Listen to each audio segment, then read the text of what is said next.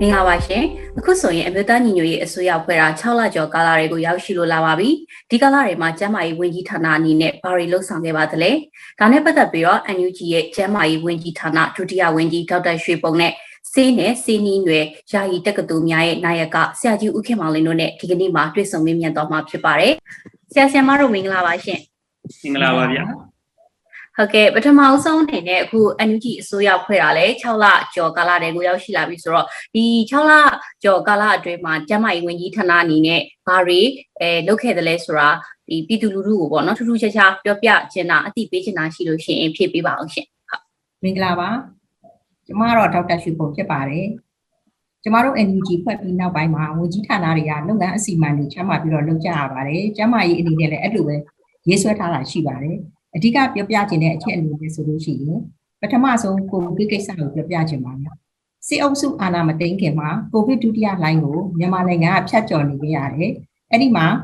နိုင်ငံတော်အတိုင်ပင်ကိုယ်တိုင်ဦးဆောင်ပြီးတော့ပြည်သူအားလုံးရဲ့အားနဲ့အကောင်းဆုံးကြော်ဖြတ်နိုင်ခဲ့တယ်ဆိုတာအားလုံးသိပဲဖြစ်ပါတယ်ကာကွယ်ဆေးထိုးနိုင်ဖို့လည်းအကောင်းဆုံးပြင်ဆင်လှုပ်ဆောင်နိုင်ခဲ့တယ်။အဲ့ဒီအချိန်မှာဆိုကျမတို့နိုင်ငံကကာကွယ်ဆေးအစောဆုံးထိုးနှံနိုင်တဲ့နိုင်ငံတွေတော့မှပါခဲ့ပါတယ်။ဒါပေမဲ့စစ်ကောင်စီကမဟုတ်မမှန်ဆွဆွဲပြီးတော့ မဲကိစ္စကိုအကြောင်းပြုပြီးနိုင်ငံတော်အာဏာကိုလူယူခဲ့တယ်။နော်အဲ့လိုအာဏာလူယူပြီးနောက်ပိုင်းမှာစစ်ကောင်စီကပြည်သူတွေကိုကိုဗစ်ကူးစက်မှုကြဆင်းအောင်ကာကွယ်ဆေးထိုးနိုင်အောင်မလုပ်တဲ့အပြင်ပြည်သူတွေကိုဗစ်ကူးစက်ပြီးသူတို့ကိုမဆန့်ကျင်အောင်လှုံ့ဆော်ခဲ့လို့ကျမတို့ကိုဗစ်တတိယလိုင်းကိုကြုံခဲ့ရတာဖြစ်ပါတယ်။ပြည်သူတွေတေချေပျက်စီးခဲ့ရတယ်။ဒါတွေဖြစ်လာတော့မယ်လို့ကျမတို့ကကြိုတင်တွက်ဆမိပါတယ်။ဒါကြောင့်မလို့သမရကြီးဦးဆောင်ပြီးတော့ ကိုဗစ်ကာကွယ်ကိုဗစ် -19 ကာကွယ်ထိန်းချုပ်ကုသရေးအမျိုးသားအဆင့်ကော်မရှင်ကိုဖွဲ့စည်းပြီးတော့နိုင်ငံတကာအဖွဲ့အစည်းအသီးသီးကိုလည်းကိုဗစ်နဲ့ပတ်သက်ပြီးကာကွယ်ဖို့ထိန်းချုပ်ဖို့အကူအညီပေးဖို့တွန်းတွန်းတိုက်တိုက်ဆောင်ရွက်ခဲ့ပါတယ်။နောက်တစ်ခုအနေနဲ့ကျမတို့ကတိုင်းရင်းသားကျန်းမာရေးအဖွဲ့အစည်းအားလုံးနဲ့ချိတ်ဆက်ပြီးတော့ COVID-19 Task Force CTF ကိုဖွဲ့စည်းနိုင်ခဲ့တယ်လို့အမျိုးသားကျန်းမာရေးကော်မတီ National Health Committee NHC ကိုလည်းဖွဲ့စည်းထားရှိတာဖြစ်ပါတယ်။ တတိယဟိုင်းမဝေခင်ကလေးကကျမတို့တွေက online ရော on ground မှာပါပြင်ဆင်ခဲ့ပါတယ်။ online အနေနဲ့အသိပညာပေးတာတွေကာကွယ်ရေးနည်းလမ်းတွေလိုက်နာရမယ့်အရာတွေကို social media တွေပေါ်ကနေပြီးတော့အရှိန်မြင့်ပြီးတော့လုပ်ဆောင်ခဲ့ပါတယ်။ Tele ကျမ်းမာတို့အစီအစဉ်ကနေပြီးတော့ကိုဗစ်ဖြစ်ရင်အခမဲ့ဆေးကမ်းပြနိုင်အောင်လုပ်ခဲ့တယ်လူပေါင်း6000ကျော် Telegram ဆေးကမ်းတွေကနေကုသမှုပေးနိုင်ခဲ့ပါတယ်အဲ့ဒီမှာဆိုလို့ရှိရင်အထူးကုဆရာဝန်တွေ လက်ထောက်ဆရာဝန်တွေကနေပြီးတော့ဝိုင်းဝန်းပြီးတော့ကူညီပြီးတော့ကုသမှုပေးခဲ့ကြတာဖြစ်ပါတယ်။ online ကနေတဆင့်ယာနဲ့ချီတဲ့ကျန်းမာရေးအသိပညာပေးကိစ္စတွေကိုလည်းမျှဝေခဲ့တာကိုတွေ့တွေ့နိုင်ပါတယ်။လူတွေတန်းနဲ့ချီပြီးတော့ဘုသိတရအောင်လုပ်ပေးနိုင်ခဲ့ပါတယ်။ဒါကတော့ online အနေနဲ့ပေါ့နော်။ on ground အနေနဲ့ကြတော့ကျမတို့ဝန်ကြီးဌာနအနေနဲ့ပြင်ဆင်လုပ်ကင်လုပ်ကင်ခဲ့တာတွေကအများကြီးရှိပါတယ်။မြေပြင်မှာလှုပ်ဆောင်နေတဲ့ကျန်းမာရေးအဖွဲ့အစည်းတွေပရဟိတအသင်းအဖွဲ့တွေကိုချိတ်ဆက်ပေးတာကူညီပံ့ပိုးပေးတာ အစားအသောက်ဆေးတွေနဲ့ဆေးဝါးတွေကိုအခမဲ့ပို့ဆောင်ပေးတာတွေကိုပြည်သူကပြည်သူတို့ဆိုတဲ့အစီအစဉ်နဲ့စစ်ကောင်စီကနေပြီးတော့ဒီကျန်းမာရေးဝန်ထမ်းတွေပရဟိတဝန်ထမ်းတွေကိုဖမ်းဆီးနှိပ်စက်တပ်ဖြတ်နေတဲ့ကြားကနေပြီးတော့အခက်အခဲတွေကြားတွေကနေပြီးတော့လှုပ်ဆောင်ခဲ့ရတာလှုပ်ဆောင်ခဲ့ရတာပါကာကွယ်ရေးအတွက်ဆိုလို့ရှိရင် mask တွေလက်သန့်ဆေးတွေဟိုစစ်ဆေးတဲ့ test kit တွေအောက်ဆီဂျင်အိုးတွေအောက်ဆီဂျင် concentrator တွေကိုလိုအပ်နေတဲ့ data အသီးသီးကအဖွဲ့အမျိုးမျိုးစီကို အခက်အခဲတွေကြားရနေပြီးတော့ဖြန့်ဝေပို့ဆောင်ခဲ့တာတွေလုပ်ခဲ့ပါတယ်အတိုင်းအတာတစ်ခုအထိထိရောက်ပေမဲ့ကျမတို့ပြည်သူတွေကတတိယပိုင်းမှာမိသားစုဝင်တွေမိတ်ဆွေတွေဆုံးရှုံးခဲ့ရတဲ့တရားခံကတော့အကြမ်းဖက်စစ်ကောင်စီပဲဖြစ်ပါတယ်ဆေးတောင်ဝယ်လို့မရအောင်လုပ်ပြီးတော့ပြည်သူတွေဒုက္ခပင်လွယ်ကိုအောင်လုပ်ခဲ့တာတွေကအားလုံးအသိရှိကြပြီးသားပဲဖြစ်ပါတယ်နောက်ပိုင်းစစ်ကောင်စီကနေရာအသီးသီးမှာအကြမ်းဖက်တိုက်ခိုက်မှုတွေလုပ်လာတယ်ပြည်သူတွေထွက်ပြေးရတယ်တိမ်းရှောင်ရတယ်အဲ့ဒါတွေအတွက်ကျမတို့အနေနဲ့ ဒီကျမရေးဝန်ကြီးဌာနစဖွဲ့ကလေးကအရေးပေါ်ကျမရေးစောင့်ရှောက်ပေးနိုင်ဖို့ဆိုပြီးတော့ကျမရေးဝန်ထမ်းအင်အားတွေကိုစုစည်းရဲစေဝါးတွေရနိုင်တဲ့လောက်ဝယ်ယူပေးဖို့ပြင်ဆင်ပြီးတော့ဒေတာအသီးသီးမှာစေတနာဝန်ထမ်းတွေရော CDN ကျမတွေရေးဝန်ထမ်းတွေပါအားလုံးစုစည်းပြီးတော့ရေးပေါ်စေကန်းတွေဆေးရုံလိုကုသမှုပေးနိုင်တဲ့နေရာတွေပြင်ဆင်ခဲ့ကြရတယ်။ဒါပေမဲ့တချို့ချက်တွေကြတော့လုံခြုံရေးအရာမြေပြင်မှာတိကျပေမဲ့ဟိုအားလုံးကိုဖွင့်ပြောဖို့ကတော့ခက်ခဲပါတယ် အကြမ်းဖက်စစ်ကောင်စီကသူတို့အာဏာဆက်ရရေးအတွက်ဘယ်နည်းလမ်းမျိုးမဆိုတုံးပြီးတော့ဖျက်ဆီးခံထားမှာဖြစ်ပါတယ်ဒါကြောင့်မလို့ကျမကြီးအရာကျမတို့အနေနဲ့လုပ်ငန်းတွေကိုအရှိန်ပြင့်ပြီးတော့လုပ်နေရတယ်လို့လုံခြုံရေးကိုလည်းကြည့်ဆက်ရပါတယ်ပြည်တွင်းပြည်ပမှာရှိတဲ့ကျမတို့ရဲ့ဒီပြည်သူပြည်သားတွေကနေပြီးတော့လှူဒန်းပံ့ပိုးတဲ့ရန်ပုံငွေတွေကိုပဲအားထားပြီးတော့ပြီးခဲ့တဲ့6လလောက်6လတာကာလကိုကျမတို့ကြော်ဖြတ်ခဲ့ရတာဖြစ်ပါတယ်အဲ့ဒီကနေအားလုံးကိုကျမတို့ကနေပြီးတော့ဝန်ကြီးဌာနအနေနဲ့အားလုံးထက်လိုက်လေးလေးကျေးဇူးတင်ပါတယ်လို့ပြောချင်ပါတယ် ကျေးဇူးပါဟုတ်ကဲ့ပါရှင်အော်အခုဆိုလို့ရှိရင်လည်းဒီ NUG ကနေပြီးတော့နောက်6လအတွက်စီမံကိန်းတွေဆွဲပြီးဒီလက်ရှိမျိုးတော်လိုင်းကြီးကိုအောင်ပွဲနဲ့အမြန်ဆုံးအဆုံးသတ်ဖို့ဟိုစီစီစဉ်နေတယ်လို့သိရပါတယ်ရှင်ဒီတော့ဒီနောက်6လတာကာလအတွက်ကောဆရာဆရာမတို့ရဲ့ဝန်ကြီးဌာနအနေနဲ့ဦးစားပေးပြီးတော့ဟိုအဓိကဦးစားပေးလုပ်သွားမဲ့အဲအကြောင်းအရာတွေကဘာတွေများဖြစ်မလဲရှင်ဟုတ် ဟုတ်ကဲ့ဒီဘက်ကတော့ကျွန်တော်ဖြည့်ဆို့ပေးပါမယ်ကျွန်တော်ကတော့ဒေါက်တာခမောင်လည်းဖြစ်ပါတယ်အဲ့တော့ကျွန်တော်တို့ဝန်ကြီးဌာနပြီးခဲ့တဲ့6လတည်းကလုပ်ကိုင်ခဲ့တဲ့အဲချက်လက်တွေပေါ်မှာအခြေခံပြီးတော့မှကျွန်တော်တို့ကနောက်ပိုင်း6လမှာပေါ့လေနောက်လမယ့်6လမှာတခြားဝန်ကြီးဌာနတွေလိုပဲကျွန်တော်တို့ကနေဦးစားပေးလုပ်ဆောင်မဲ့လုပ်ငန်းစဉ်လေးတွေချမှတ်ထားတာရှိပါတယ်အဲ့ဒါဘာတွေလဲဆိုတော့ matic ကတော့ဆိုကိုဗစ်ရောဂါအကွယ်ထိန်းချုပ်ကုသရေးလုပ်ငန်းတွေကိုအရှိန်အဟုန်မြင့်နဲ့အဲဒါဆက်လက်ဆောင်ရွက်သွားမယ်နံပါတ်2ချက်ကတော့ရေးပေါ်ကျန်းမာရေးစောင့်ရှောက်မှုလုပ်ငန်းတွေကိုကျွန်တော်တို့အရှိန်မြင့်ပြီးလုပ်သွားမယ်နံပါတ်3ချက်ကတော့ ပနာမကျန်းမာရေးစောင့်ရှောက်မှုလုပ်ငန်းတွေနဲ့အစိမ့်မြင့်ကျန်းမာရေးစောင့်ရှောက်မှုလုပ်ငန်းတွေကိုပြည်သူလူထုကိုဒါ public health services ပေးဖို့အတွက်လုပ်ထားတာတွေရှိပါတယ်ဗျနောက်တစ်ချက်ကတော့နိုင်ငံတကာမိတ်ဖက်အဖွဲ့အစည်းတွေနဲ့ပုံမခိုင်မာသောတက်တွဲပူးပေါင်းဆောင်ရွက်မှုတွေလှုပ်ဆောင်မှုတွေလုပ်ပြီးတော့မှအကူအညီတွေရအောင်ကျွန်တော်ဆောင်ရွက်သွားဖို့နောက်တစ်ချက်ကတော့ကျန်းမာရေးလူစွမ်းရင်းမြစ်တွေကိုပုံမအားကောင်းအောင်ဆောင်ရွက်ဖို့နဲ့နောက်တစ်ခုကတော့သူကတယ်လီကျန်းမာအခြေပြုစေပညာတင်ကြားရေးလုပ်ငန်းလေးကိုဒါကျွန်တော်တို့ကစတင်ပြီးတော့အပေါင်းတယ်ပေါ်ဖို့လှုပ်ဆောင်နေကြပါတယ်နောက်တစ်ခုကတော့ကျန်းမာရေးသတင်းချက်လက်ထူထောင်ခြင်းနဲ့ ဆုံးဖြတ်ကတော့သူ့ဒေသလုပ်ငန်းတွေကိုကျွန်တော်တို့ကအချိန်မြင့်ပြီးတော့လှုပ်ဆောင်သွားမယ်ဆိုပြီးတော့ဒါကျွန်တော်ဝန်ကြီးဌာနအတွင်းမှာတော့ချက်၈ချက်ပေါ့လေအဲ့လိုလုပ်ထားတဲ့ထဲမှာဒါခုနကျွန်တော်ပြောတဲ့ပထမဆုံးချက်ကတော့ကိုဗစ်ရောဂါကာကွယ်ထိန်းချုပ်ရေးလုပ်ငန်းတွေခုနအန်ဒီကုံလည်းတော်တော်လေးပြောခဲ့ပါပြီကျွန်တော်တို့ second week တောက်ဝေးမှာဒါ first week နဲ့ second week မှာတော့ဒါကျွန်တော်တို့ကတော့နိုင်ငံတော်အတိုင်ပင်ခံဥဆောင်ပြီးတော့မှလုပ်ခဲ့တဲ့လုပ်ငန်းတွေပေါ့လေလုပ်ခဲ့တဲ့အတွက်ပြည်သူတွေကလည်းဒါပါဝင်ဆောင်ရွက်တယ်အကုန်လုံးအာခုနတက်နိုင်တဲ့လူတွေကလည်းသူက ကျွန်တော်တို့ကာကွယ်ရေးလုပ်ငန်းတွေမှာဝိုင်းဝန်းပြီးတော့ဆောင်ရွက်ပြီးတော့မှရမုံငွေတွေထူထောင်ပြီးတော့မှလုပ်ကြတယ်ဖြစ်တယ်လို့ပဲကျွန်တော်တို့ကတော့အဲခုနလေးမျိုးပေါ်လေးသူကအစေးုံတွေစောက်ပြီးတော့မှဒါပြည်သူတို့စောင့်ရှောက်ခဲ့တဲ့တာရကတွေလည်းအများကြီးရှိပါတယ်ဒါကျွန်တော်ရှေ့ဆက်မဲ့လုပ်ငန်းတွေမှာတော့ဒါကျွန်တော်တို့ကတော့ဒီ COVID 19ကာကွယ်ကုသထိန်းချုပ်ရေးလုပ်ငန်းတွေဆက်ပြီးလုပ်သွားမှာပါနော်ဘယ်လိုတွေလုပ်မလဲဆိုတော့ကျွန်တော်တို့ကတော့ COVID 19ဖြစ်ပွားမှုကိုစောင့်ကြည့်လေ့လာပြီးတော့မှသုတေသနပြုပြီးရရှိလာတဲ့ချက်လက်တွေကိုပြန်လည်သုံးသပ်ဆောင်ရွက်သွားမယ်နောက်ကာကွယ်ဆေး ဒီလန်နေတော့ကာဝယ်ဈေးနဲ့ဆက်ဆက်တဲ့ပစ္စည်းတွေဝယ်ယူမယ်နောက်ပြီးတော့တိုးတောင်မယ်ဖြန့်ဝေမယ်ထိုးနိုင်ရေးအတွက်လည်းဒါကျွန်တော်တို့ကအဲထိရောက်စွာစီမံခန့်ခွဲမှုတွေလှုပ်ဆောင်နေတဲ့ပြီးခဲ့တဲ့6လတွေကလည်းလုပ်သလိုရှေ့ဆက်ပြီးတော့လည်းဆက်လက်လှုပ်ဆောင်သွားဖို့ကျွန်တော်တို့အာရည်မှန်းထားပါတယ်ကာဝယ်ဈေးမဟုတ်တဲ့နီလန်တွေကတော့ဒါလူတိုင်းလူတိုင်းပေါ့လေအဲလိုက်နာရမယ့်ဟာတွေပေါ့အသက်နှာခေါင်းစည်းတက်ခြင်းလူမှုဆက်ဆံရေးမှာခက်ခွာနေခြင်းတော့အလုံးပိတ်နေရလူထုရသောနေရာနဲ့ပွဲလန်းတဲ့ပင်မှာရှောက်ကြည့်ခြင်းဒါတွေကကျွန်တော်တို့ကဆက်လက်ပြီးတော့သိပညာပေးလုပ်ငန်းတွေကိုအချိန်အုံမြင့်ဆက်လက်လှုပ်ဆောင်သွားမယ်လို့ဒါကျွန်တော်တို့က လှုပ်ဆောင်ထားပါတယ်နောက်တစ်ခုကတော့ကျွန်တော်တို့ဆေးရုံတက်လူနာတွေနဲ့ပြင်ပလူနာတွေအတွက်လည်းကုသရေးလမ်းညွှန်တွေရေးဆွဲမယ်ပြင်ဆင်မယ်မုံမှန်မယ်ပေါ့လေအဲ့ဒါလေးကျွန်တော်တို့ဆက်ပြီးလှုပ်ဆောင်သွားဖို့ပြင်ဆင်ထားပါတယ်ဗျနောက်တစ်ခုကတော့ COVID-19 Telegram channel တွေကနေတဆင့် online ကျန်းမာရေးဆောင်ရှောက်မှုတွေကိုအရင်တော့လည်းပြီးခဲ့တယ်ခုလည်းပြီးခဲ့မယ်နောက်ပြီးမြေပြင်မှာလည်းအခမဲ့စည်းကမ်းတွေ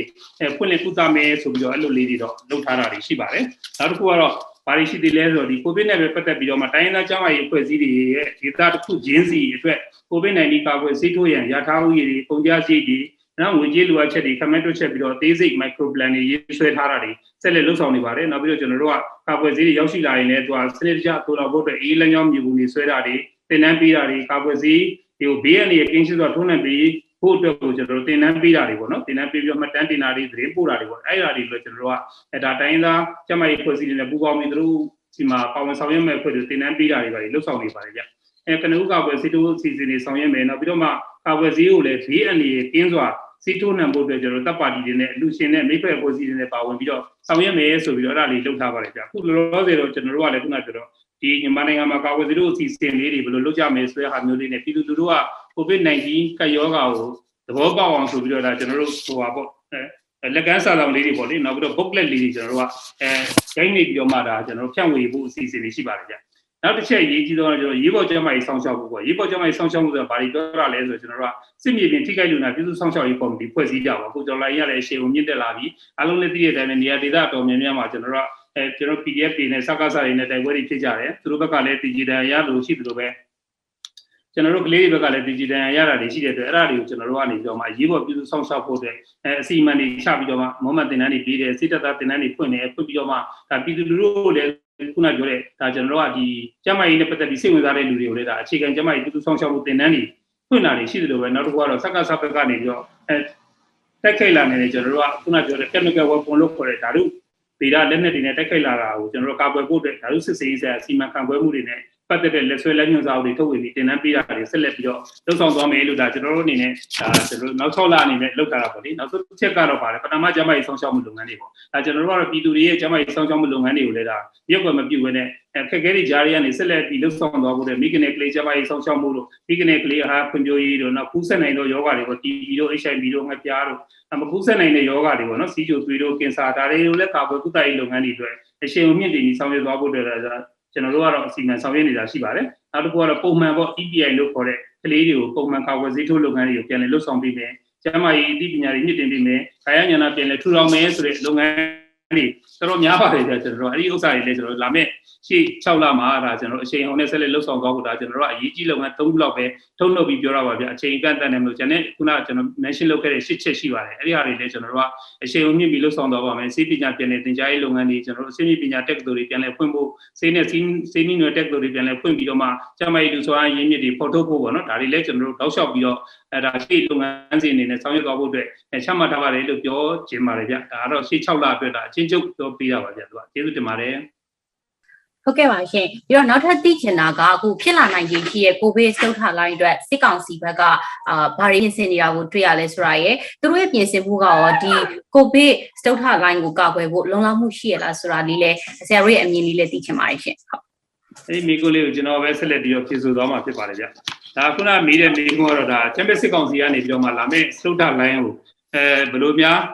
ပြင်ဆင်ထားလဲပေါ့လေဘယ်လိုများပြင်ဆင်ထားလဲဆိုတော့သူတို့ဘက်ကလောက်တာတွေ့တာတော့ကျွန်တော်တို့ကပြည်သူလူထုကိုသူတို့အဲတက်နေတဲ့ကာဝေးထိုးပေးတယ်တရုတ်ပြည်ကလာတဲ့ဆိုင်လိုဖိုင်းတွေထိုးပေးနေတာကျွန်တော်တွေ့ပါတယ်ဗျတွေ့ပြီးတော့သူတို့ဘက်ကလည်းဒါကျွန်တော်တို့ဒီဒီရေဒီယိုရုပ်သံတယ်လီဗီရှင်းတွေကနေပြောမှတာပြည်သူလူထုကိုကာကွယ်အဲစောင့်ရှောက်ဖို့အတွက်တကွေးတစ်ခါရလုပ်ငန်းတွေလုပ်ပါတယ်ဗျဒါပေမဲ့လည်းသူတို့က ဘယ်လိုလဲဆိုအားနဲ့အင်တိုက်လောက်တာတော့မရှိဘူးပြသူကကြောက်လေအားနဲ့အင်တိုက်လောက်တာမရှိဘူးဒါပေမဲ့ကျွန်တော်တို့ကစရုပ်ထလိုင်းကိုကာကွယ်ဖို့ဆိုတာအချက်နှစ်ချက်ရေးကြည့်ပါတယ်ဗျဘာတွေရေးကြည့်လဲဆိုတော့နံပါတ်1ကတော့သူက COVID-19 ကာကွယ်ဆေးလွှမ်းခြုံမှုရှိရမှာကျွန်တော်တို့မြန်မာနိုင်ငံမှာပေါ့နော်အဲ့တော့ကမ္ဘာပေါ်မှာရှင်းလဲလို့ရှိရင်မြန်မာနိုင်ငံကတော့8.6ရာခိုင်နှုန်းနဲ့အောက်ဆုံးအဆင့်မှာရှိနေတယ်သူကစင်ကာပူကတော့83.6ရာခိုင်နှုန်းနဲ့ထိပ်ဆုံးမှာရှိနေပြီးတော့ကမ္ဘောဒီးယား80.3ရာခိုင်နှုန်းမလေးရှား90.5ရာခိုင်95.2ရာခိုင်နှုန်း ဘရူနိုင်းက54.8ရာခိုင်နှုန်းထိုင်းနိုင်ငံ38.1ရာခိုင်နှုန်းနဲ့လာအိုက31.8ရာခိုင်နှုန်းပေါ့ဒါကျွန်တော်တို့အိန္ဒိချင်းပေါ့လေဒီအာဆီယံထဲမှာကြည့်လိုက်မယ်ဆိုရင်အင်ဒိုနီးရှား24.3ရာခိုင်နှုန်းဖိလစ်ပိုင်23.9ရာခိုင်နှုန်းဗီယက်နမ်20.4ရာခိုင်နှုန်းနဲ့ကျွန်တော်မြန်မာနိုင်ငံ8.6ရာခိုင်နှုန်းနဲ့အောက်ဆုံးအဆင့်မှာရှိနေတာကိုတွေ့ရတယ်အဲကာကွယ်ဆေး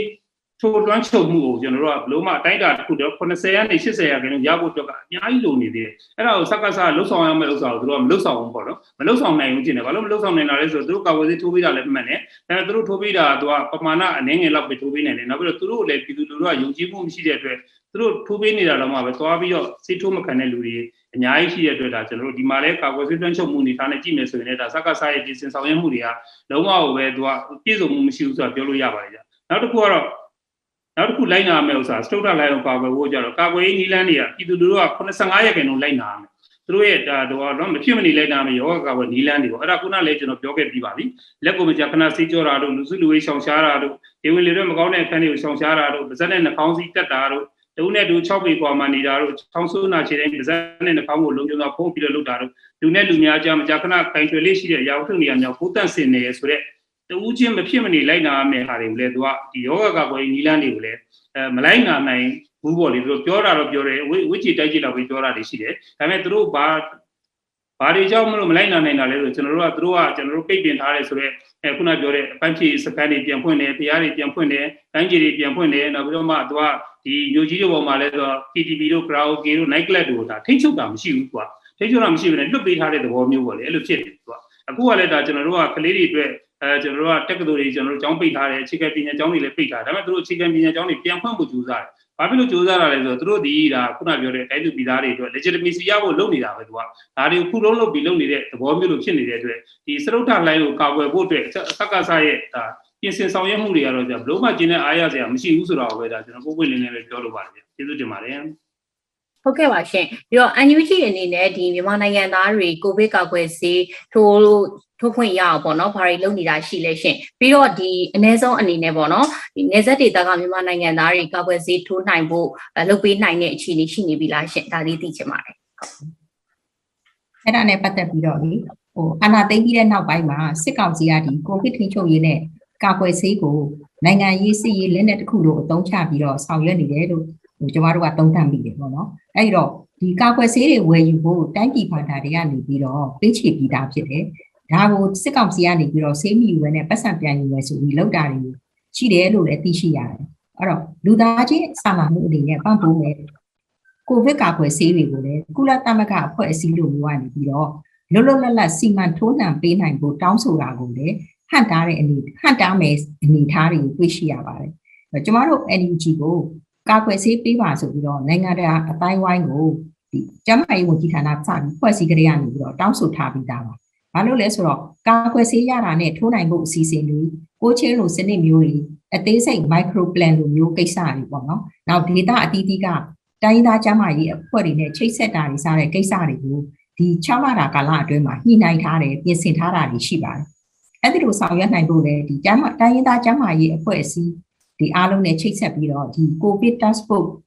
အဖွဲ့ကိုဖွဲ့စည်းနိုင်ခဲ့တယ်။ဒီ COVID task force ပေါ့နော် CTF ရဲ့မူဝါဒကတော့ပြည်သူဟာအဓိကဖြစ်ရမယ်။တစ်ချက်ပြည်သူဒီအဓိကဖြစ်ရမယ်။နှစ်ချက်ပွင့်လင်းမြင်သာမှုရှိရမယ်။သုံးချက်ညီညီမျှသောညီမျှသောဟိုရင်ပေါ့နော်ဟိုဆက်ဆံမှုရှိရမယ်ဆိုပြီးတော့ဒီလိုမျိုးဟိုပေါ့နော်မူဝါဒချမှတ်ထားတာရှိပါတယ်နော်အဲ့တော့အခုကျတော့ ဟိုတချို့အခုချိန်မှာဆိုလို့ရှိရင်တော့တချို့တိုင်းရင်းသားဒေသတွေမှာဒီကိုဗစ်ကာကွယ်ဆေးထိုးပြီးတဲ့နေရာတွေရှိတယ်လို့လက်ရှိထိုးနေတဲ့နေရာတွေလည်းရှိပါတယ်နော်အဲ့တော့ဒေသဒေသတွေအခြေအနေပေါ်မှာမူတည်ပြီးကြဲကြဲပြန့်ပြန့်ဆောင်ရွက်သွားဖို့လည်းရှိပါတယ်ကျမတို့အနေနဲ့တချို့နေဆက်ဒေသမှာဆိုလို့ရှိလို့ရှိရင်လည်းဟို pilot project အနေနဲ့စတင်ပြီးတော့ဆောင်ရွက်နေတာတွေလည်းရှိနေပါပြီအဲ့တော့အဓိကတင်ပြချင်တာကတော့ကျမတို့ NUG ရဲ့ hô ကျမရေးဝန်ကြီးဌာနမှာကာကွယ်ဆေးထုတ်ပေးနိုင်တဲ့စွမ်းရည်လည်းရှိတယ်လို့ ပြင်လဲပြင်ဆင်ထားပြီးဖြစ်ပါတယ်။ရလာမဲ့ကာကွယ်ဆေးတွေကိုစစ်ကောင်စီကဟန်တာနှောက်ယှက်နေလို့ကခက်ခဲနေရတာဖြစ်ပါတယ်။အဲ့ဒါကိုလည်းတန်တမာရေးအရာနိုင်ငံတကာကိုလည်းချိတ်ဆက်နေကြလို့ပြည်သူလူထုကိုလည်းအခြေခံရပိုင်ခွင့်အနေနဲ့ကာကွယ်ဆေးဟာလူသားအလုံးအတွက်တပြေးညီဖြစ်တယ်ဆိုတာကိုဟိုပြောပြချင်ပါတယ်။အဲ့တော့ကျမတို့အနေနဲ့ကတော့ဒီနေ့ဆေးရလို့ရှိလို့ရှိရင်မနေ့ပြန်ထိုးနိုင်တဲ့အဆင့်အထိကိုပြင်ဆင်ထားပြီးဖြစ်ပါတယ်။မကြခင်ကာလအတွင်းမှာတော့ထူးခြားပြောင်းလဲတိုးတက်လာမယ်လို့ယုံကြည်ပါတယ်။ အဲ့တော့ပြည်သူအလုံးတော်လှန်ရေးကာလအတွင်းမှာတော့ကျန်းမာရေးလုံခြုံရေးကိုယူဆိုင်ကြပါလို့တိုက်တွန်းလိုပါတယ်ရှင်ဟုတ်ကဲ့ပါရှင်ဒီတော့အခုနောက်ဆုံးအနေနဲ့အခုဆရာနာရှိကိုအမြင့်ဖြတ်တော်လန်မဲ့လက်ရှိလူဦးတော်နိုင်ရဲ့အလားအလာကိုရောဆရာဆရာမတို့အနေနဲ့ဘယ်လိုမျိုးသုံးသပ်ချင်လဲရှင်။အခုဒီရေဦးတော်လှန်ရေးနဲ့ပတ်သက်ပြီးပြောရမယ်ဆိုလို့ရှိရင်တော်လှန်ရေးတိုင်းမှာဖြစ်ပေါ်ရတဲ့နောက်ခံအကြောင်းအရာတွေရှိကြတာပေါ့နော်။အဲ့ဒီလိုပဲကျမတို့ရဲ့နေဦးတော်လှန်ရေးမှာလည်းရှိပါတယ်။ပြီးခဲ့တဲ့ဖေဖော်ဝါရီလမတိုင်ခင်မှာဆိုလို့ရှိရင် ပြည်သူတွေရဲ့ပြည်သူတွေကသူတို့ရဲ့လူချင်းတဲ့ဆန္ဒဟာကိုဗစ်မဖြစ်ချင်ဘူးကာကွယ်ဆေးမြန်မြန်ထိုးချင်တယ်ဆန္ဒမဲကိုလွတ်လွတ်လပ်လပ်ပေးပြီးတော့ပေးထားတဲ့ဒီဆန္ဒမဲတွေအတိုင်းနောက်9နှစ်မှာအစဉ်ပြေပြေနဲ့အစီးပွားရေးတွေလုပ်မယ်အခွင့်အလမ်းတွေရမယ်လူတိုင်းကိုယ်စီဖြစ်ချင်တဲ့အိမ်မက်တွေရှိခဲ့ကြတယ်ဒါပေမဲ့စစ်ကောင်စီကအာဏာသိမ်းလိုက်တယ်အကြမ်းဖက်မှုတွေလုပ်တယ်အကြမ်းဖက်အကြမ်းဖက်တပ်ဖြတ်မှုတွေလည်းလုပ်ခဲ့တယ်အခုကျတော့အဲ့လိုတော့အချိန်မှာပြည်သူတွေရဲ့အိမ်မက်တွေကဖျက်ဆီးခံရတယ်လို့ အသက်အိုးအိမ်စီးစိမ်တွေကလည်းလုံခြုံမှုမရှိဘူးပျက်စီးဆုံးရှုံးရတယ်ဒါကြောင့်မို့လို့ပြည်သူအားလုံးတော်လှန်နေတဲ့ຫນွေဦးတော်လှန်ရေးဒေတာဘောင်းဆောင်လူမျိုးဘာသာဘောင်းဆောင်ပါဝင်တော်လှန်နေတဲ့ຫນွေဦးတော်လှန်ရေး CDM ဝန်ထမ်းတွေအခုအချိန်ထိကြံ့ကြံ့ခံပြီးတော်လှန်နေတဲ့ຫນွေဦးတော်လှန်ရေးဒီຫນွေဦးတော်လှန်ရေးချောက်ဖို့လို့အကြမ်းဖက်စစ်အာဏာရှင်စနစ်ကိုကျမတို့နိုင်ငံအမြင့်ပြတ်အောင်ဟိုချိန်ပုံးနိုင်မယ်လို့ကျမတို့ယုံကြည်ပါတယ် ဘဝတွေအသက်တွေအနာဂတ်တွေကိုရင်းပြီးတော့လူငယ်တို့ကြီးတစ်ခုလုံးပါဝင်နေတဲ့ရေဦးတော်လှန်ရေးဟာမကြခင်အောင်မြင်မှုရမှာပါအောင်မြင်ဖို့အစီအစဉ်တွေကိုလည်းအားလုံးလုပ်နေကြတာဖြစ်ပါတယ်ကျေးဇူးတင်ပါတယ်ဟုတ်ကဲ့ပါရှင်အခုလိုမျိုးအချိန်ပေးပြီးတော့ဖြေကြားပေးတဲ့ဆရာဆရာမတို့ကိုကျေးဇူးအများကြီးတင်ပါတယ်ရှင်အန်တီတို့ကလည်းကျေးဇူးအများကြီးတင်ပါတယ်ရေတော်ဘုံအောင်ရမည်ရေတော်ဘုံအောင်ရမည်